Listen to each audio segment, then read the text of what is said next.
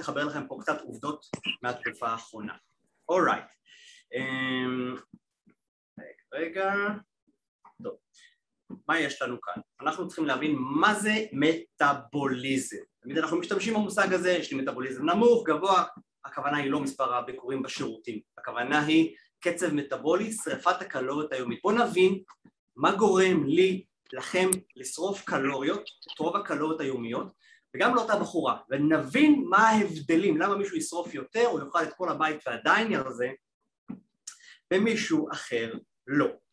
אז כדי שנוכל להבין את זה, אנחנו הולכים לעשות פה כמה דברים ואני אקשקש לכם פה על המסך. קודם כל יש לנו את הקצב המטאבולי הבסיסי שלנו במנוחה. כלומר אדם ששורף כאלפיים, משהו כמו שני שליש, שני שליש מהערך הקלורי היומי שאנחנו מוציאים, זה לצורך תחזוקת רקמות, לב, דופק, טמפרטורת גוף וכולי, קחו בן אדם ישן, לא קם מהמיטה 24 שעות, הוא ישרוף קלוריות. מה שתורם בעיקר לדברים האלה, וזה ההבדלים בין האנשים השונים, זה מסת השרירים.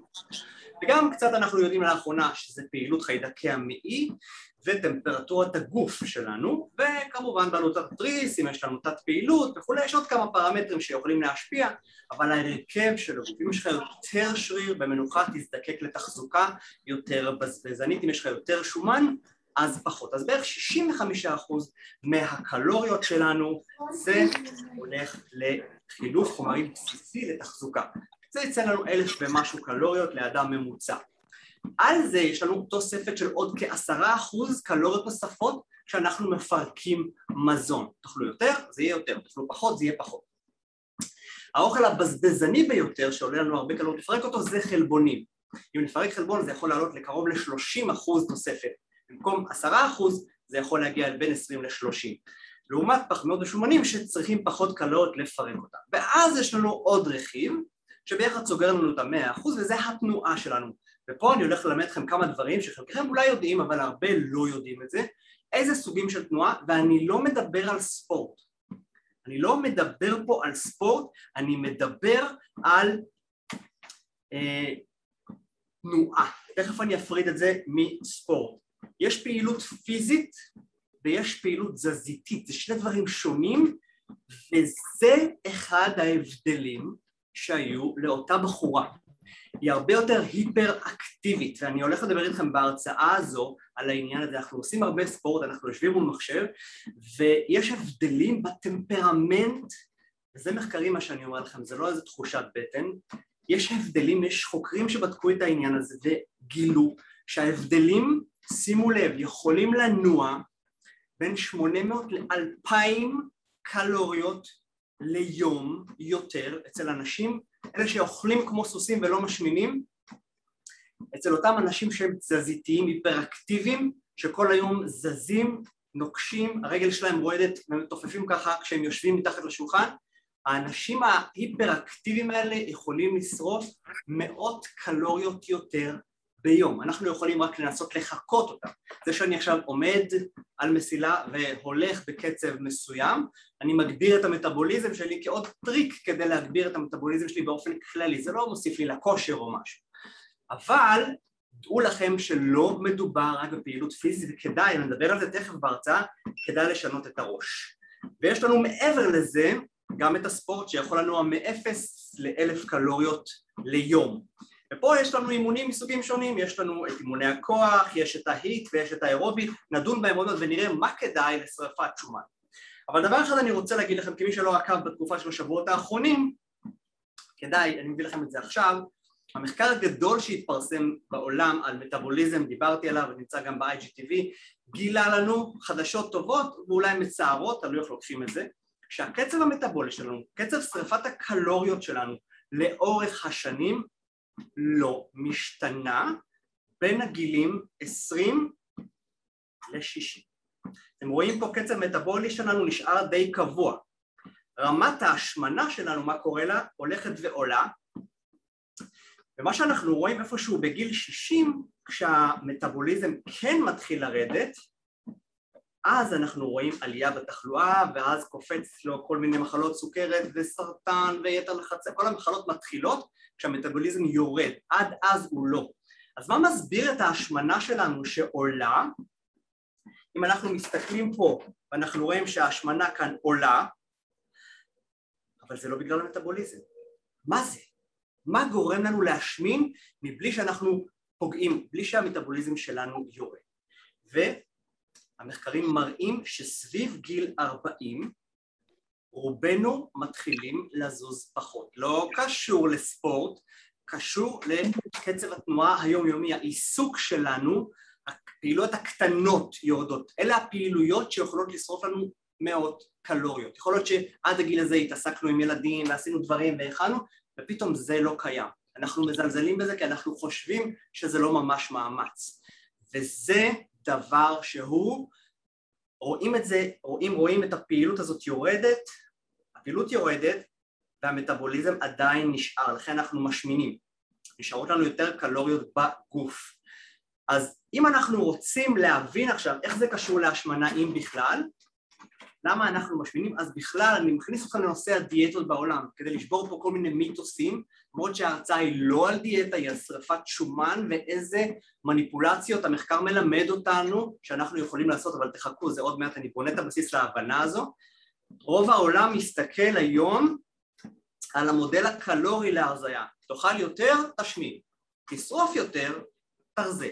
כשהקצב המטאבולי שלנו, קצב שרפת הקלוריות שלנו לאורך השנים לא משתנה בין הגילים 20 ל-60. אתם רואים פה קצב מטאבולי שלנו נשאר די קבוע. רמת ההשמנה שלנו, מה קורה לה? הולכת ועולה ומה שאנחנו רואים איפשהו בגיל 60 כשהמטאבוליזם כן מתחיל לרדת אז אנחנו רואים עלייה בתחלואה ואז קופץ לו כל מיני מחלות סוכרת וסרטן ויתר לחצי, כל המחלות מתחילות כשהמטאבוליזם יורד, עד אז הוא לא. אז מה מסביר את ההשמנה שלנו שעולה? אם אנחנו מסתכלים פה ואנחנו רואים שההשמנה כאן עולה, אבל זה לא בגלל המטאבוליזם. מה זה? מה גורם לנו להשמין מבלי שאנחנו פוגעים, בלי שהמטאבוליזם שלנו יורד? המחקרים מראים שסביב גיל 40 רובנו מתחילים לזוז פחות. לא קשור לספורט, קשור לקצב התנועה היומיומי, העיסוק שלנו, הפעילויות הקטנות יורדות. אלה הפעילויות שיכולות לשרוף לנו מאות קלוריות. יכול להיות שעד הגיל הזה התעסקנו עם ילדים ועשינו דברים והכנו, ופתאום זה לא קיים. אנחנו מזלזלים בזה כי אנחנו חושבים שזה לא ממש מאמץ. וזה דבר שהוא, רואים את זה, רואים, רואים את הפעילות הזאת יורדת, הפעילות יורדת והמטאבוליזם עדיין נשאר, לכן אנחנו משמינים. רוב העולם מסתכל היום על המודל הקלורי להרזייה, תאכל יותר, תשמין, תשרוף יותר, תרזה. נכון שאנחנו כפופים לחוק הזה של הקלוריות, אבל יש בו הרבה מן הבעייתיות. קודם כל, לא כל הקלוריות שוות. אם תיקחו 200 קלוריות של איזה טוויסט או טעמי או משהו כזה, או 200 קלוריות של אבוקדו, ובשניהם יש הרבה שומן, מבחינה בריאותית זה שונה לגמרי, מבחינת הרכב חיידקי המעי זה יעשה עבודה אחרת, מבחינת הרעב אחר כך זה יעשה משהו אחר, אז אולי לאותו יום זה ישפיע על אותו מאזן קלורי, אבל אנחנו יודעים מה זה יעשה אחר כך. אז אי אפשר לספור רק קלוריות, ועובדה שהנושא הקלורי בעולם, האנשים שעוקבים אחרי זה, מצליחים לעשות דיאטה או הרזייה לפרק זמן קצר, לא לאורך חיים. האנשים בעלי המשקל התקין לא יודעים מה זה קלוריות, לא עוקבים אחרי זה. מי שיכול לעשות את זה זה על פי רוב ספורטאים או אנשים שנמצאים בדיאטה מוקפדת, אנשים בגיל צעיר יחסית שיכולים לעקוב אחרי הקלוריות. ברוב המצבים זה לא תופס, לעקוב אחרי קלוריות לא תופס, אם כי המודל הקלורי להרזייה מבחינת ספירת קלוריות הוא יחסית בסדר, אתם עוקבים אחרי המספרים, זה אמור להוריד, אבל מי יכול באמת לעקוב על זה לאורך חיים, כשאנחנו אוכלים מכל מיני סוגים של מזונות. אל תיבהלו מהמודלים הזה, מחקרים ממש מהחודש-חודשיים האחרונים שמדברים על המודל השני, למה אנחנו משמינים. אחד היה קלוריות, המודל השני שמקובל בעולם שוב, לא להיבהל, זה מודל הפחמימה עם אינסולין. כמה פחמימות אני אוכל ולאיזה רמת אינסולין זה מעלה אותי. ומקובל לומר שככל שאתם אוכלים יותר מזונות טעימים או מעובדים עם אה, ריכוז פחמימה גבוה, זה גורם להפרשת אינסולין גבוה, יהיה לנו מצב שנקרא היפר אינסולינמיה, זה המצב הזה, הרבה אינסולין בדם, והרבה אינסולין יגרום לנו חוץ מלמחלות מסוימות שאנחנו מכירים כבר את ההשפעה הלא בריאה של האינסולין שהוא כרוני גבוה זה גורם לרעב. זה גורם לרעב בכמה מנגנונים מאוד מעניינים, מאוד מעניינים ככל שהכבד מתחיל לצבור יותר שומן של סוכרים שאנחנו אוכלים, בעיקר דברים מתוקים, החלמה רגילה גם, אבל בעיקר מתוקים, יצטברו לנו בכבד, יהפכו לטיפות שומן בכבד שלנו, ואז זה גורם לעלייה ברמת האינסולין בדם. זה יוצר מצב של תנגודת לאינסולין, והגוף נאלץ להפריש הרבה מאוד אינסולין, לכן רמתו עולה. וכשהאינסולין עולה בדם, זה הורמון שיוצר הרבה מאוד תחלואה. הוא יכול לגרום לחוסר פוריות בנשים בגיל צעיר, הוא יכול לגרום לאקנה, אבל אלה דברים קוסמטיים, אבל הוא יכול לגרום לבעיות בכלי הדם, לאלצהיימר, למחלות כמו אה, גידולים, סרטן וכולי. בקיצור, לא כיף כשהאינסולין גבוה כרונית ולא מטפלים בו. אז אנחנו רוצים להבין, אנחנו מבינים שככל שאנחנו אה, אה, לא מטפלים בנושא הפחמימה שלנו, חלקנו יכול לפתח עמידות לאינסולין ולאכול יותר, וזה עושה לנו מוח רעב. זו הנקודה השנייה, מה שאנחנו לומדים במחקרים זה שככל שהאינסולין עולה הוא עושה עוד דבר במוח, חוץ מהאקנה וחוץ מהדברים האחרים, הוא גורם למוח שלנו לא לראות את הורמון השובע. יש לנו מרקמת השומן הורמון שקוראים לו לפטין. לפטין זה הורמון שובע, ההורמון הזה, המוח של האדם השמן לא רואה אותו כשיש הרבה אינסולין בדם, זה גורם למוח פשוט לא להרגיש שבע. אתן לכם דוגמה, ראיתם פעם ילד ביום הולדת, ילד בן חמש משקל תקין מקבל עוגת יום הולדת או עוגייה בגיל חמש הוא רץ אחרי זה, יש לו את האטרף, זה נקרא הגלוקוז ראש, הקפיצה בסוכר שלו והוא כולו בהיי זה מצב נורמלי שהמוח מקבל מכת סוכר או מכת אה, אה, אנרגיה במוח תקין הוא אומר יש לי מלא קלוריות לשרוף, תתחיל לרוץ, הילד מבסוט, שמח, הכל טוב ראיתם פעם ילד שמן שאוכל עוגייה, רץ אחרי זה? לא. למה זה לא קורה? המוח של השמן לא רואה, הוא לא רואה את הורמון השובע, מרוב שיש לו הרבה אינסולין, גם לילדים,